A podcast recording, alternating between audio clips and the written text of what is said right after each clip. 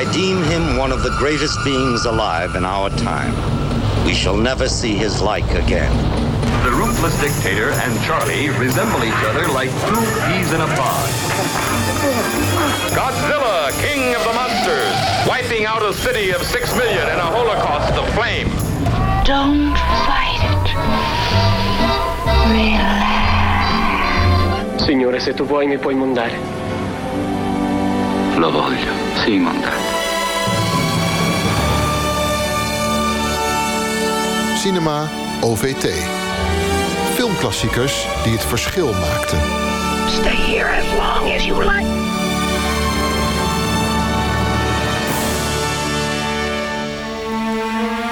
Deze keer een komische film uit 1959.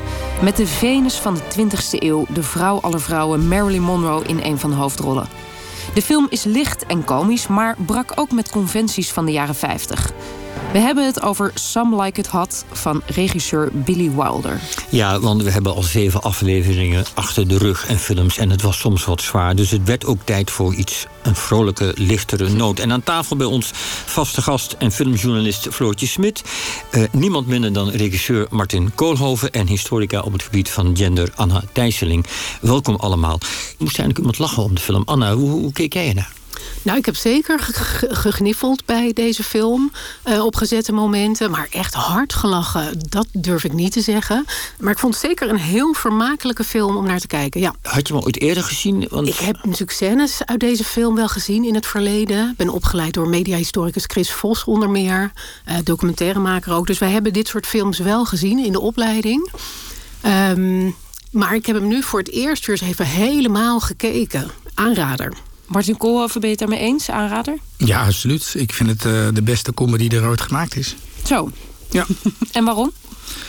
Omdat het ja, is, dichter dan dit bij een perfecte film weet ik niet hoe je kan komen. Het is, het is, op scenariogebied zit het eh, ontzettend goed in elkaar.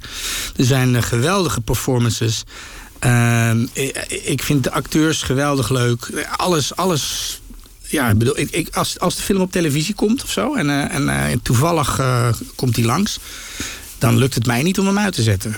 Dan, dan blijf je kijken. En Floortje, hoe zit het met jou? Nou ja, ik, ben, ik kop hem zelf maar even in. Ik ben natuurlijk een hele zure criticus. Dus ik lach eigenlijk niet meer echt om comedies. Of tenminste, je moet van goede huizen komen om mij nog aan het lachen te maken. En dat is deze film wel gelukt. En vooral vanwege de woordspeling en de woordgrapjes die erin zitten. Ik heb een aantal keer hardop gelachen. We luisteren naar de gezellige trailer. Not since Scarface, so much action. Not since the Marx Brothers, so much comedy. Not since the seven year itch, so much Marilyn.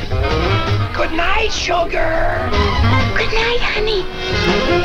There's one thing sure boy never met girl like this before. You've never laughed more at sex or a picture about it. Running wild, lost control. Running wild, mighty bold. Feeling gay, reckless too. Carefree mind all the time, never blue. Always. Ja, het ritme van de trailer verraadt ook al iets over het ritme van de film. Lekker snel. Floortje, kan je allereerst het verhaal even kort samenvatten?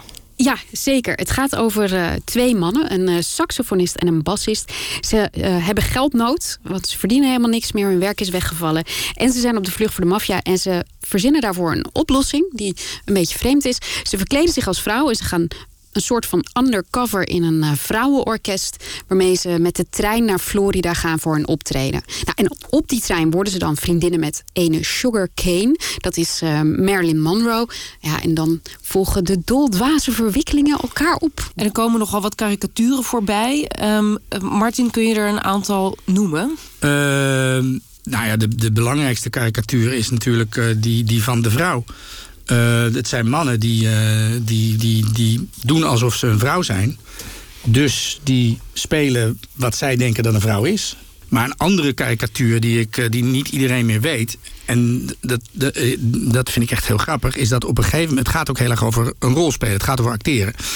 Dus op een gegeven moment wordt... Tony Curtis die heeft een oogje op Marilyn Monroe... waarmee hij dus in die band zit. Alleen zij denkt dat hij een vrouw is. Dus moet hij een ander karakter creëren om haar te ontmoeten. En speelt hij dus ook een rol. En wat hij dan doet, is dat hij uh, Cary Grant nadoet. Dus hij speelt een karikatuur op Cary Grant. Destijds was Cary Grant natuurlijk gewoon een van de grootste sterren die er was. Iedereen zag dat hij Cary Grant speelde. Hij speelt een, een, een rijke bezitter van een jacht. hè, Zo'n kapitein met een witte broek aan. Precies, pak. hij, hij is de erfgenaam van, eh, van, van Shell, wordt, ge, wordt oh ja. ge- ge- ge- gesuggereerd. Tenminste, dat suggereert hij. Als we de film nou eh, eens een beetje gaan ontleden. Er zijn eigenlijk drie hoofdpersonen dus. Laten we eens beginnen bij Marilyn Monroe. Martin, is dit echt haar film, vind je? Ja, de- hier eh, schittert ze enorm. En eh, eh, een en al eh, brok charisma is zij. En Anna speelt ze ja, een karikaturaal dom blondje eigenlijk. Of is het wel geraffineerder dan dat? Nou ja, beide. Dus eh, ze speelt zeker een, eh, een dom blondje. Dat zegt ze ook over zichzelf in de film op de trein eh, naar de bestemming eh, waar die vrouwenband gaat spelen. En eh, daar, daar speelt ze echt. Hè, daar zegt ze over zichzelf: ja, ik ben eh, misschien wel heel erg dom. Tegelijk, Marilyn Monroe heeft van het domme blondje... dat is echt haar mm, handelsmerk geworden. Dat heeft ze heel erg uitgekozen als haar grote rol in het leven, zal ik maar zeggen. Dus als je ook naar die film kijkt... dan hè, eh, het orakel van Delphi, ken u zelf en alles met mate. Ken u zelf is heel erg goed gelukt in de film... want zij is op de vlucht eigenlijk voor mannen... en al het leed dat haar is aangedaan door saxofonisten met name. En, ehm, en dan is het natuurlijk heel slim, ken u zelf. Dus zij sluit zich aan bij een vrouwenband. Dus in die zin is ze zeker geen dom blondje. Haar strategie is juist heel slim. Alles met mate lukt wat minder, want ze blijft een enorme alcoholist eh, in deze film. En je hebt ook de indruk dat ze af en toe eh, echt dronken is. Zou dat ook hebben kunnen kloppen? Eh, wat ik over haar gelezen heb, zou dat zeker kunnen kloppen met ja, haar, haar druggebruik, alcoholgebruik. Ehm, en ik, ik weet niet of jullie dat ook zo hebben gezien in de film. Er in, met name op de trein, in het begin van de film, zitten er scènes waar ze echt beschonken overkomt. Dat is zo goed gespeeld dat het bijna niet geloofwaardig is dat het gespeeld wordt. We gaan even luisteren naar het fragment waar ze voor het eerst de film binnenkomt. Dat is pas op 25 minuten. Hè? Dus we zitten eigenlijk al 25 minuten op haar te wachten. Want we weten dat ze erin zit. En dan eh, moeten we ook vooral letten op het muziekje. Want we horen haar niet. Maar als je het muziekje hoort, dan kun je je er alles bij voorstellen hoe zij daar voorbij loopt op het station.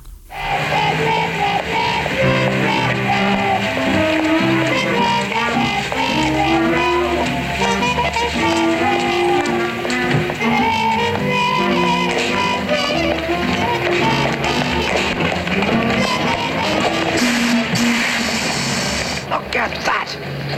Look how she moves. That's just like jello on springs.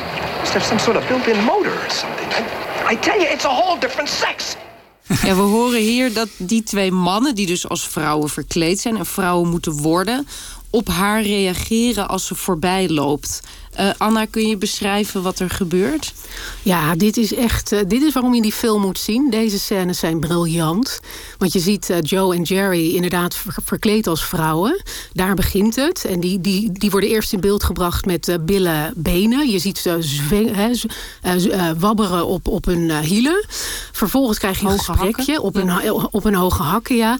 En dan zie je een gesprekje tussen hen. En via Jerry, die Daphne wordt, wordt dan het beeld eh, gaat richting eh, Marilyn Monroe. Die zie je eerst eh, borsten, zal ik maar zeggen, en hoofd. Een prachtig elegante verschijning, zwart pakje, prachtig hoedje op, ukulele onder de arm.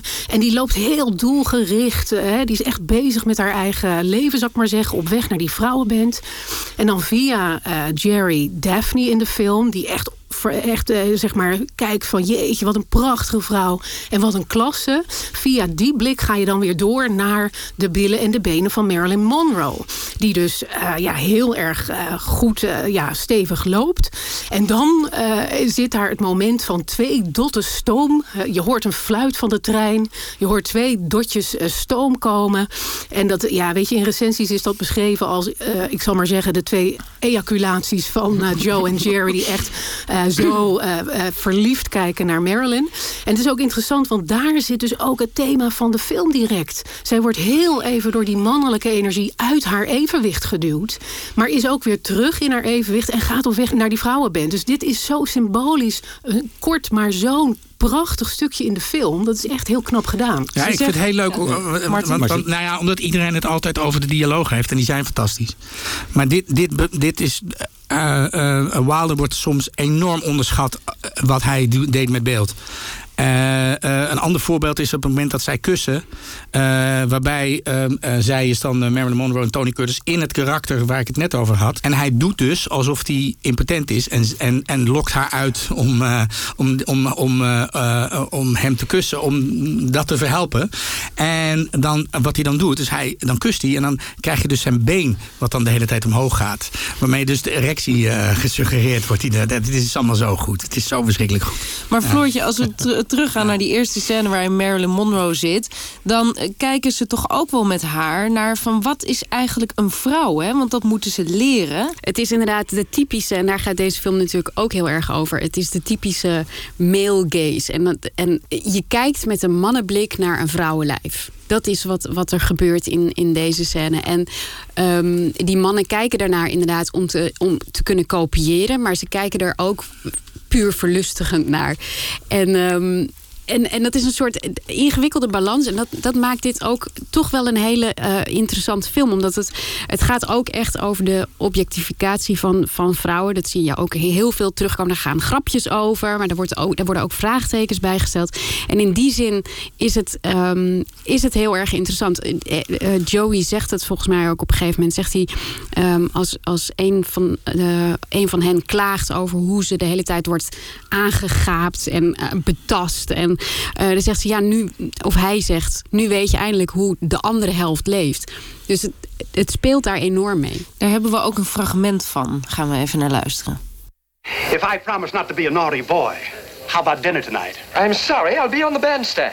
Bye-bye, Mr. Fielding.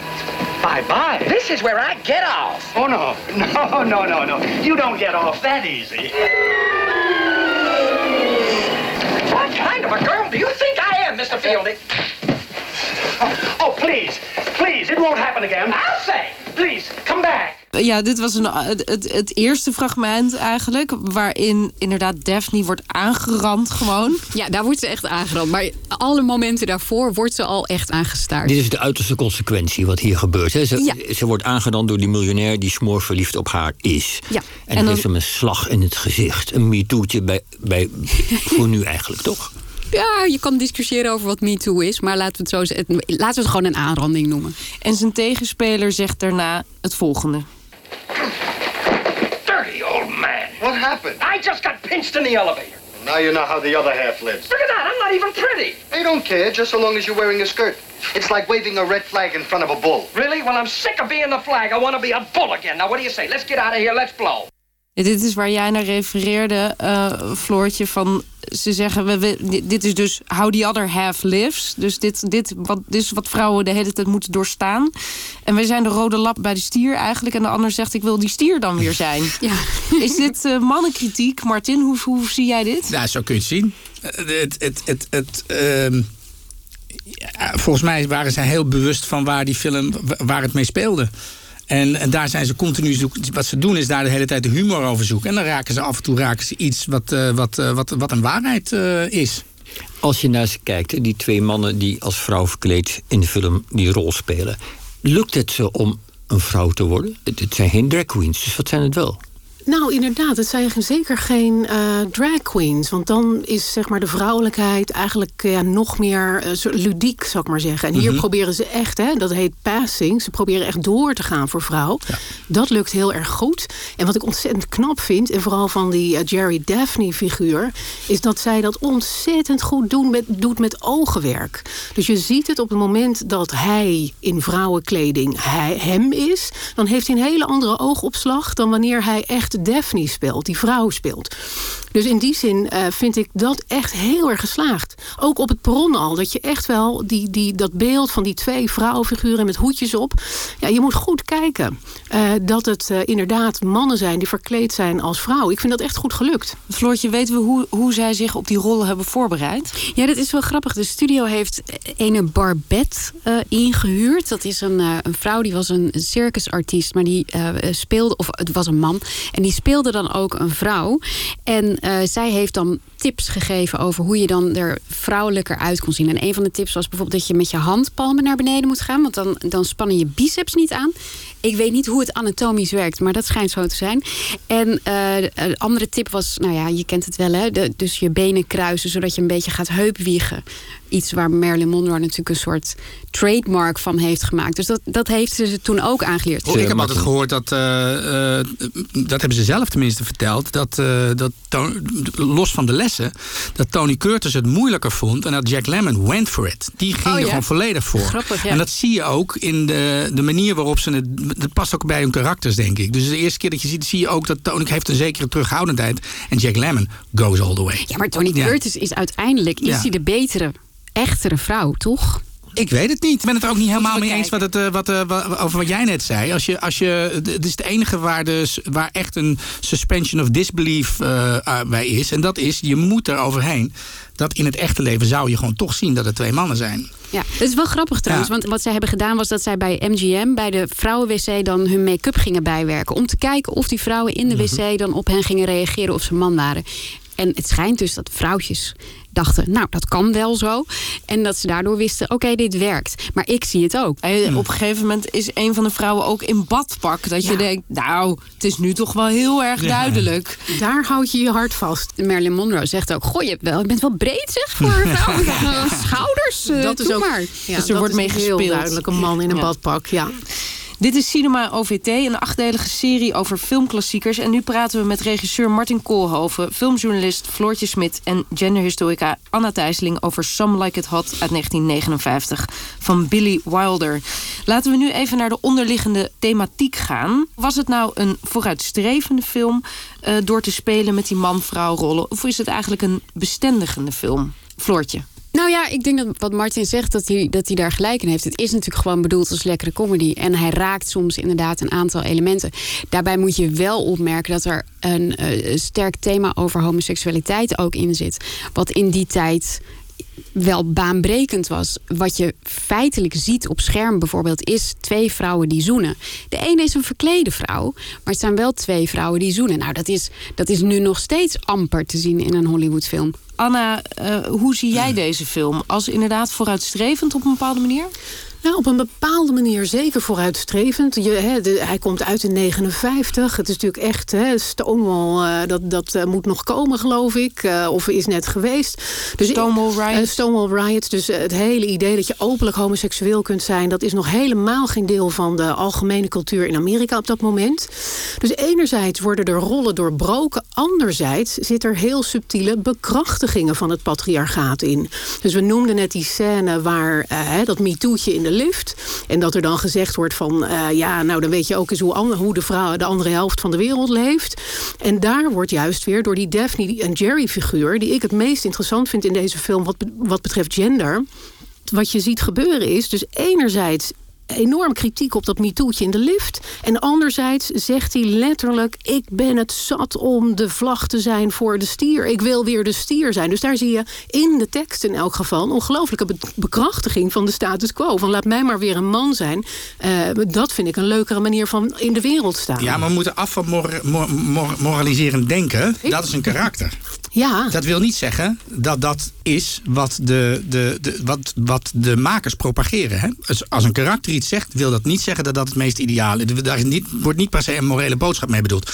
Wat je wel kan zeggen, is dat de algehele film, en dat zit in veel meer dingen, dat soort gedrag, wat we nu als MeToo eh, beschrijven niet per se problematiseert op een manier zoals dat nu eh, eh, hopelijk zou gebeuren. Dus dat in die zin eh, wordt daar niet zo zwaar aan getild. Een algemeen idee van zo zijn mannen nou eenmaal. Dat zit en, erin. En het huwelijk eh, wordt toch ook wel gezien in deze film als het grote geluk, toch? Daar streeft Marilyn Monroe ook naar. Zeker, dus dat huwelijk als een soort van eind... eh, hè, eh, en dan is alles goedachtige eh, schets... die zit zeker in de film.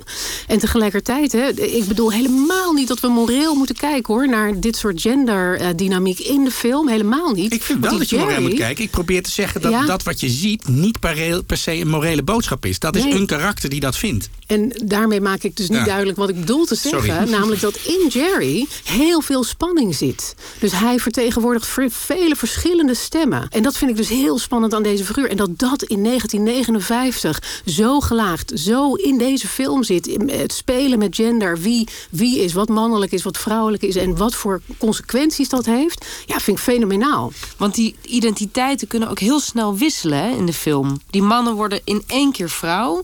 Iedereen kan eigenlijk allerlei identiteiten aannemen. Ja, eh, zo zie ik dat ook. Eh, wa- Want het gaat inderdaad heel snel. Hè? Bam, het zijn vrouwen. Dan zie je in de mimiek en in eh, oogopslag en in eh, lichaamshouding weer dat ze als mannen tegenover elkaar staan in scène. Zoals die Joe en Jerry samen zijn, zonder getuigen. Dan gaan ze ineens weer even laten zien van ja, het zijn wel mannen in eh, vrouwenkleding. Zodra er getuigen omheen zijn, dan bam, zijn het weer eh, vrouwen geworden. Ja, en, en wat ik ook wel belangrijk vind, wat net gezegd wordt, wat, wat absoluut niet vergeten moet worden, is de context waarin die film gemaakt werd. Je kon in die tijd geen film maken waarin homoseksualiteit een issue was. Wat je ziet in Hollywood, er zijn documentaires over gemaakt, is dat er dus heel vaak op een indirecte manier eigenlijk een soort, eh, ja, bijna symbolisch homoseksualiteit eh, eh, weergegeven werd. Dus op het moment dat je twee mannen als vrouw en een van die mannen die krijgt iets met een man, zeker weten dat daar een homoseksuele connotatie onder zit. En hoe werd er in Hollywood op deze film gereageerd? Nou, wat je dan eerst moet weten is dat er iets was dat heette de Motion Picture, Picture Production Code. Dat is ooit ingesteld in 1930. Toen hebben alle filmstudio's samen de afspraak gemaakt wat er wel en niet op het scherm te zien kon zijn. Dus eh, je mocht niet positief zijn over seks voor het huwelijk bijvoorbeeld. Eh, homoseksualiteit was eigenlijk uit en boos. Nou, dit dat kon ook absoluut niet. Ehm, en nou, de macht daarvan was al een, een beetje afnemend. Ehm, de katholieke bond was hier niet heel blij mee. De film is nog verboden geweest in, eh, in Kansas. Maar dit is, eh dit, Sam Like Hot is wel een van de films die ja, eigenlijk de spijker is geweest aan, aan de doodskist van, eh, van die hele production code. Die uiteindelijk dus in eh, 1968 is opgeheven. Dus deze film heeft er wel voor gezorgd dat die code definitief in de prullenbak is gegooid. Nou, je zag gewoon dat heel veel filmmakers eh, een beetje de grenzen gingen oprekken. En eh, eh, deze man heeft eigenlijk al niet eens meer echt naar die regels gekeken. Want anders was deze film natuurlijk überhaupt niet gemaakt. Dus je zag gewoon dat die code dat die aan, eh, aan macht verloor. Als we wat langer stilstaan bij Marilyn Monroe, eh, die haar eigen icoon lijkt te spelen eigenlijk in de rol van Sugarcane. Hoe moeten we haar plaatsen in de jaren 50? Nou, ze is in die zin is het een interessant. Dit, dit was inderdaad een personage wat ze vaker speelde. Het typische eh, domme blondje. Dat is een eh, soort. Dat was een beetje de gefantaseerde vrouw. waar mannen na de Tweede Wereldoorlog. Eh, het liefst naar keken. Dus ehm, heel materialistisch. Er, er zat een soort belofte in van seksualiteit, van, van plezier ook. Hè. We kwamen net uit die, die Tweede Wereldoorlogjaren... waarin het zo somber was. En waarin vrouwen eigenlijk de boel allemaal draaiende moesten houden thuis. En nu waren ze gewoon weer, hè, gewoon weer lekker een beetje dommig. En, en ze hadden wel zin in een verzetje. Ehm, dus dat speelde zij ehm, eigenlijk altijd. Ehm, en, en er zit een heel erg een materialistische component in. Hè? Dus waar het eigenlijk om draait, dat, zo zou je deze film ook gewoon kunnen bekijken. Deze film gaat misschien nog veel meer over eh, het kapitalisme en over hoe je zelf beter wordt door zoveel mogelijk geld te verzamelen dan, dan eh, die hele genderproblematiek. Ehm, dus, dus ja, zo'n personage speelt ze. Laten we even luisteren hoe ze dat heerlijke liedje zingt. I Wanna Be Loved By You.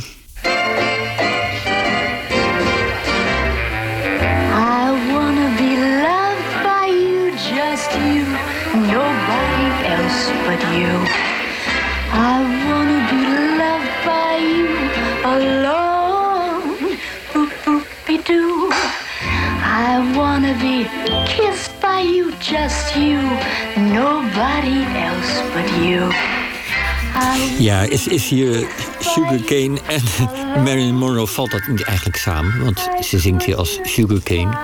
Valt Ja. het karakter niet volledig samen? Ja, weet je, dat, dat is een beetje het punt met Marilyn Monroe. Die heeft een, een imago opgebouwd, eigenlijk vanaf het begin van de carrière, wat gebaseerd is op seksualiteit.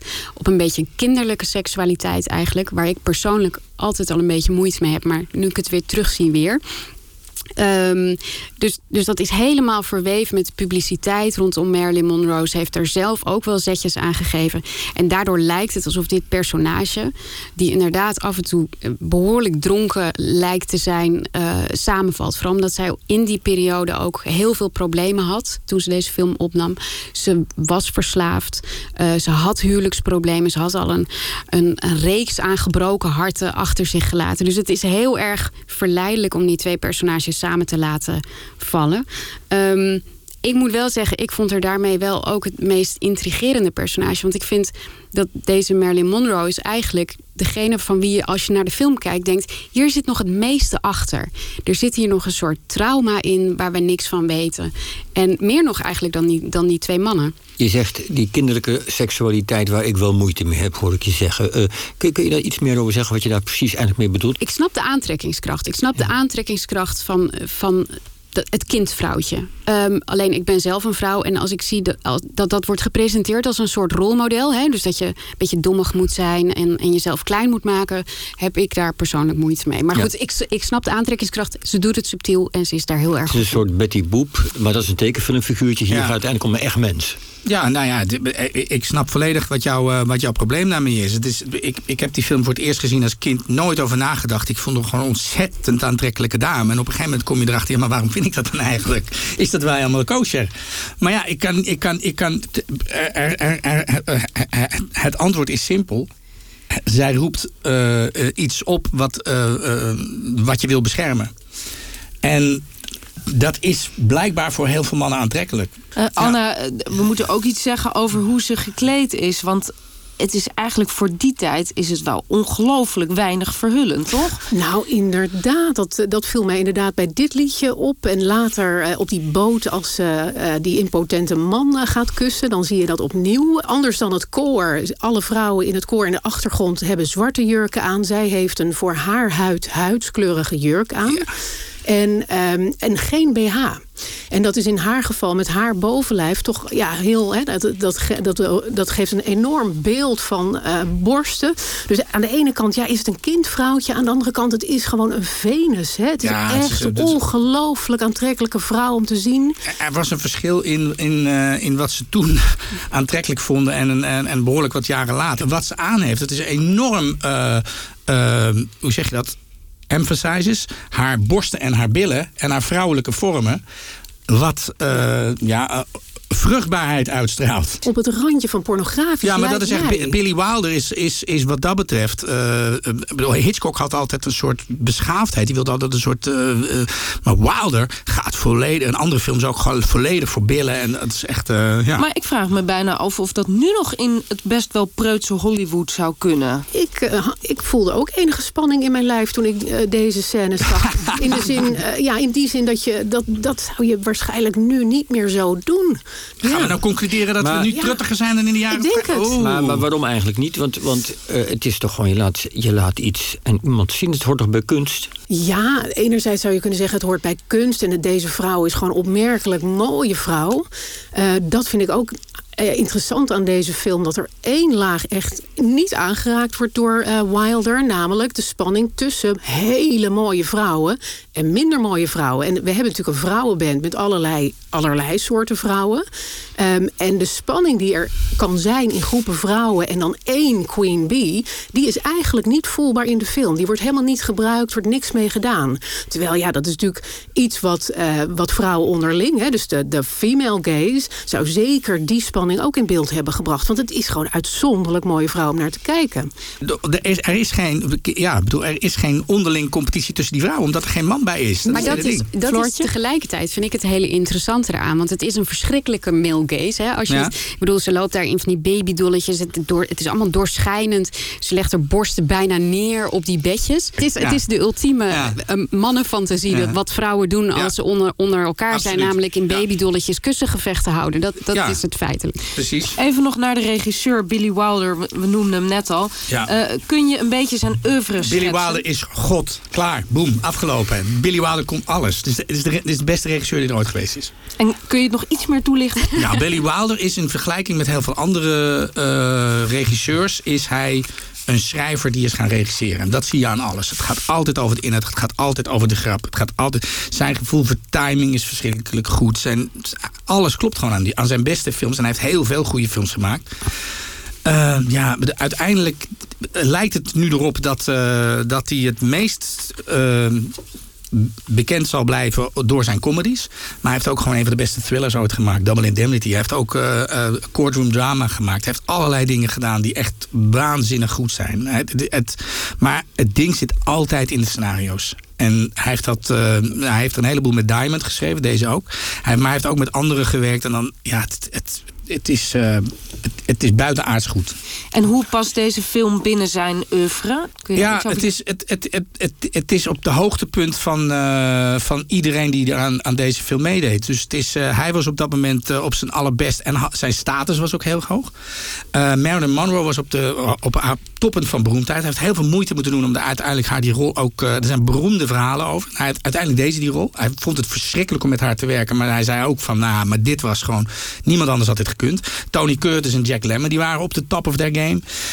Maar dan is het ook nog eens zo... En dat is, mensen vergeten context, zoals ik vaak zei. Die film is vooruitstrevend op heel veel vlakken. Zoveel dingen die wij nu normaal vinden, die in die film gebeuren, die destijds niet normaal waren. Die film is een comedy, die opent met een moord. Dat was gewoon nooit gedaan. Iedereen zei gewoon, dat moet je niet doen. En hij deed het gewoon. En hij zei namelijk, hij wist namelijk, hij zei... luister, die gasten die gaan weg en die zijn, de hele film zijn die verkleed als vrouw. I better have a good reason. Dus hij, hij begint gewoon met... Uh, en dat is een directe verwijzing naar de St. Valentine's uh, Murders die er zijn geweest. Waarbij zij dan daarbij zijn als getuigen.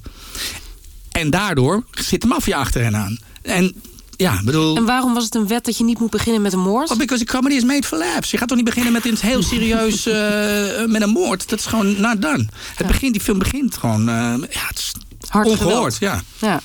En ja. uh, je had het net over dat Billy Wilder het verschrikkelijk vond eigenlijk om met Marilyn Monroe te werken. Floortje, weet jij het, hoe, hoe het er op de set aan toe ging? Nou, heel verschrikkelijk. Er, nee, maar er zijn echt verhalen over haar. Uh, uh, ze was, als ze al kwam opdagen, was ze ofwel dronken. Uh, ze heeft geloof ik 40 takes moeten doen over de zin... Where is the, the bourbon? ze heeft... Het leukste is It's Me Sugar, ken je ja. dat, dat, nou, vertel, vertel ah, dan, dan, zegt ze van, het is een scène. En dan ze zegt, It, It's Me Sugar. Maar ze zei steeds, It's Me Sugar. Dus hij zegt, nee, wacht, jij bent Sugar. ja, en dan heeft hij na, na, na 30 takes ging, ging Bill ja. zijn. Ik dacht van, ik moet nu even zeggen van, joh, is er iets zo rustig aan? Ik vind het erg. Ze zei, nee hoor, ga maar door. Maar ze was, ja. je, moet, je moet het ook, nee, maar je moet het in de tijd zien. Ze was ja. extreem perfectionistisch. Dus ze wilde steeds weer nieuwe takes, nieuwe takes, nieuwe takes doen. Dan ging het weer mis, dan ging hmm. ze huilen. Dan liep er make-up door. Dan moest iedereen op haar wachten. Uh, en er zijn dan verhalen over dat, dat Tony Curtis dan had gezegd... nou, ze kust als Hitler. Maar en dat is het ook met die, met die Hollywood-mythes. Het is allemaal wel geschreven ook vaak vanuit uh, een mannelijk perspectief. En je mm. moet het ook plaatsen in die tijd. Dus zij was net een paar jaar... Hij had, was gestopt met werken onder, onder invloed van haar echtgenoot Arthur Miller. Die had gezegd, je moet die comedy doen, want er moet geld weer op de plank. Het was het imago waar ze juist precies van af wilde komen. Uh, ze had net een hele reeks aan miskramen gehad.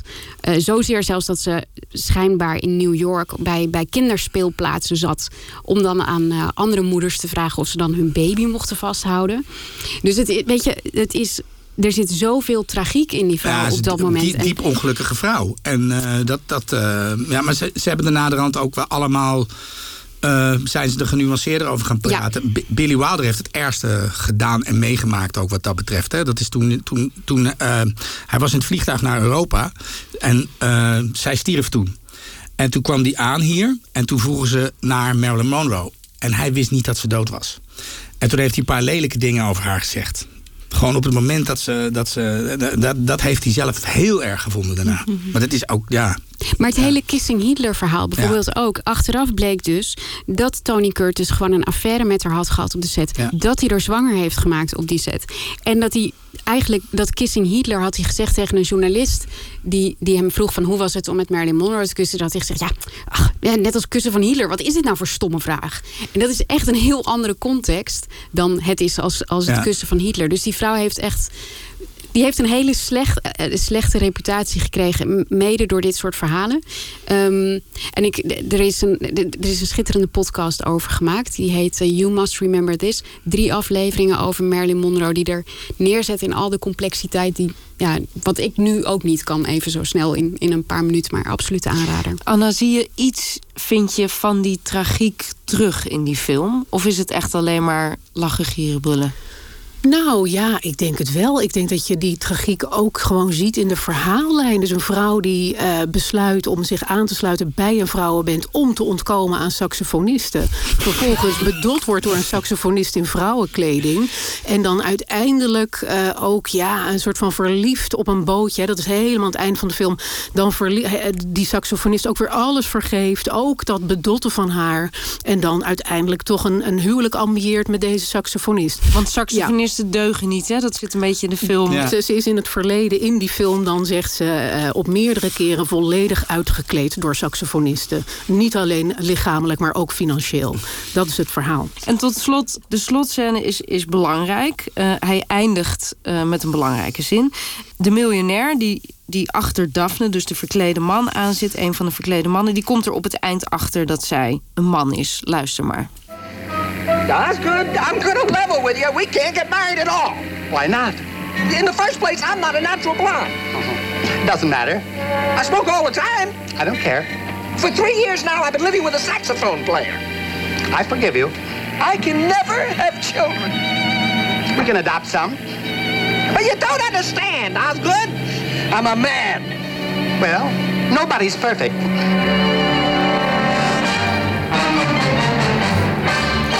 Ja, nobody's perfect. Martin, Beroemdste eindzin ooit, denk ik. ja? Ja. En wat Ja. zegt hij hiermee, Anne? Ja, ik denk dat hij zegt love is love. Eh, we zeggen het is een homoseksuele uitspraak, maar eigenlijk zou je kunnen zeggen... het is nou in ieder geval biseksueel, right? Eh, dus eh, dat hij zegt love is love, of dat hij zegt nobody's perfect... dat betekent eigenlijk liefde is liefde. En wat nog interessanter is, dat is nu in Amerika niet eens zeg maar geaccepteerd. Eigenlijk wordt in deze scène ook adoptie door homoparen goedgekeurd. Hè? Als je heel precies kijkt naar wat zit er in die tekst en in die scène... zelfs adoptie wordt bekrachtigd. Ja, ja, Floortje? Nou ja, hij was, kijk, eh, Billy Wilder was de koning van de eindzinnen. Dus op zich, eh, dit is gewoon een hele scherpe eindzin. Je kan hem ook gewoon zo bekijken. Hè? Het is een, een, een fantastische punchline. Maar ook, ehm, je ziet wel aan de blik van de, van, van de verklede eh, man dat die denkt, oh, die denkt niet, oh heerlijk, we hebben nu een homoseksuele relatie. Die denkt, oh mijn god, hoe ga ik hier nu Ja, weer onderuit ja. komen? Dat is wel een andere intentie natuurlijk dan een goedkeuring van een, een, een homoseksueel koppel. Is het niet gewoon een zwaar verliefde man, deze miljonair... en zijn meisje zegt, ik ben eigenlijk een man. Dat denk ik, maar ik ben zo verliefd. Voor mij blijf je de vrouw van mijn leven. Daarom zeg ik panseksueel. Ja. Ja. daar valt op een kara- karakter. Die ook niet echt is trouwens, maar dat is... Dat is weer een ander verhaal. ja. Maar even nog één ding. Dat is dat Ja. we, ze hadden het geschreven.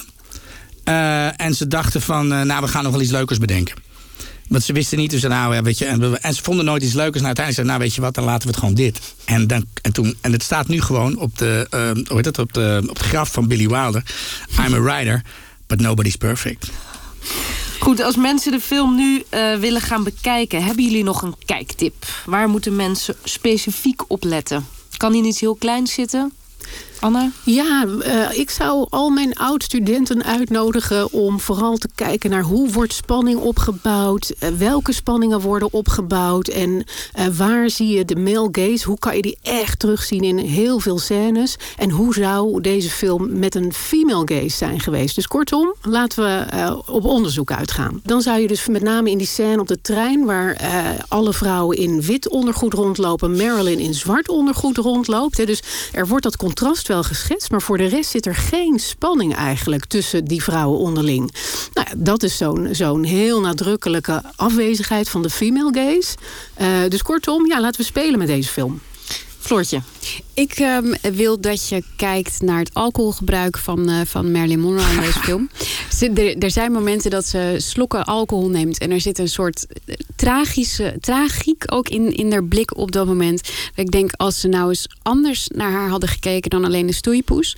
En als ze nou eens ook naar die, die hele tragische achtergrond hadden gekeken. En, en daar gewoon echt gewoon vol op in hadden gezet. Hadden we nog een hele interessante actrice kunnen zien. Martin, heb jij nog een kijktip tot... Nou ja, eh, gewoon één specifieke scène. De sambaballen scène. Uh, dat is het moment dat, uh, dat uh, Jack Lemmon in vrouwenkleren uitlegt aan Tony Curtis dat hij, dat hij gaat trouwen met een man.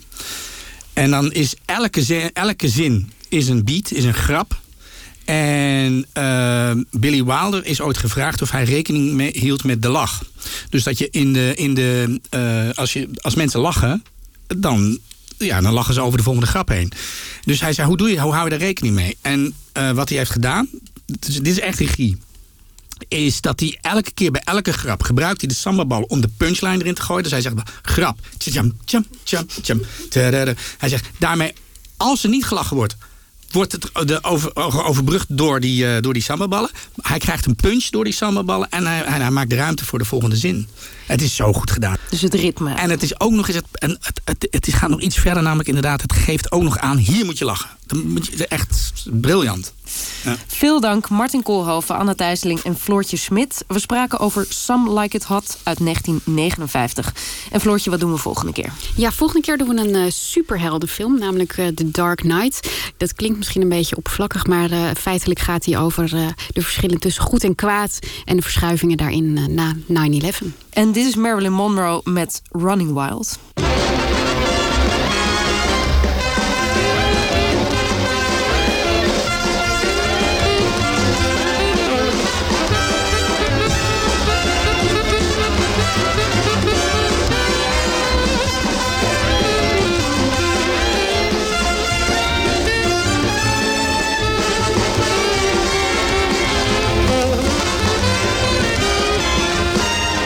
Running wild, lost control. Running wild, mighty bold. Feeling gay, reckless too. Carefree mind all the time, never blue. Always going, don't know where. Always showing, I don't care. Don't love nobody. It's not worthwhile. All alone.